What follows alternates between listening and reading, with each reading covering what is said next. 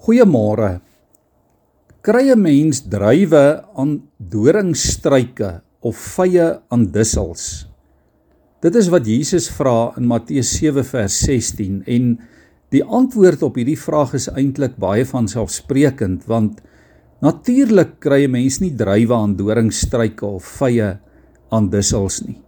Elke boom dra vrugte wat by hom pas. En as jy weet na watter boom jy kyk, sal jy ook weet watter vrugte om aan daardie spesifieke boom te verwag. En as jy die vrug sien, sal jy weet watter boom dit is. Met hierdie vraag bedoel Jesus natuurlik die valse profete wat so uitgeken sal word aan hulle vrug. Hulle lyk so skape, maar in werklikheid is hulle verskeurende wolwe. Hulle vrugte lyk dalk mooi en aanloklik, maar as jy dit afskil, dan is dit sleg. Of as jy dit wil eet, dan kom jy agter dis heeltemal onsmaaklik. Natuurlik, liewe vriende, kan ons hierdie beeld ook baie wyeer toepas, want die Bybel verwys ook na die vrug wat ons lewens moet oplewer. Matteus 7 vers 17 sê byvoorbeeld: Elke mens se lewe is soos 'n vrugteboom. En goeie vrugtebome dra goeie vrugte en slegte bome dra slegte vrugte. En nou is die vraag: Hoe sal 'n goeie vrugteboom mens dan lyk? Waarskynlik die een waarvan Psalm 1 praat. Die een wat nie sy ore uitleen aan slegte mense en hulle negatiewe en afbreekende praatjies nie.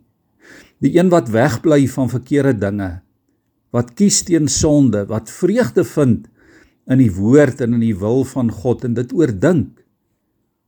Die boom is soos een wat by waterstrome groei. Sy blare word nie droog nie. Hy gee op die regte tyd sy goeie vrugte. En hoe sal die vrugte van die goeie vrugteboom lyk? Matteus 3 vers 8 sê dis vrugte wat wys dat ons bekeer is. Dis vrugte wat wys dat ons aan God behoort. Dis vrugte wat iets wys van ons harte, van ons binneste, van ons geloof, van ons oortuigings as kinders van God. Die soort vrugte wat geloof as kern het, wat tekens van hoop is, wat na liefde smaak, wat vreugde en vriendelikheid oor hulle geskryf het. Dis vrugte wat geduld het en goedhartigheid en nederigheid as sagte vleis. Hulle ryk na selfbeheersing. Miskien liewe vriende moet ons erken dat ons lewensbome nie altyd goed is nie. Die vruggies is baie keer klein en swak en smaakloos. Johannes 15 sê die geheim van vrug dra is dat ek dit nie op my eie sal kan doen nie. Die geheim is dat ek aan Jesus verbind sal bly soos 'n takkie wat aan die druiwestok vasgegroei bly. Die geheim is dat ek van hom afhanklik sal wees.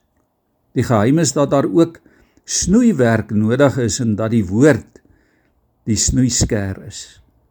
Die geheim is dat ons hulp kan vra by die Here. Dat ons seker kan wees dat hy ons tegemoet sal kom en ons sal help. Mag elkeen van ons as kinders van God gesonde, voedsame, vars, mooi vrugte produseer. Kom ons bid saam.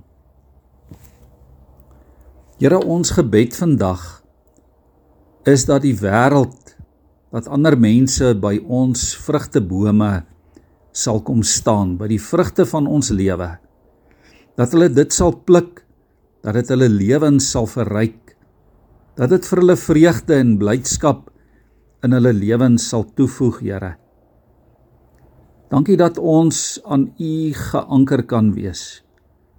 Dankie dat ons van U afhanklik kan wees dat ons uit U kan groei en deur U vrugte kan dra. Here maak van ons vrugbare bome in u koninkryk. Plant ons by daardie waterstrome, Here, waaruit ons kan put van u genade, van u oorvloed, van u liefde, sodat ons genoeg het om weg te gee in Jesus se naam.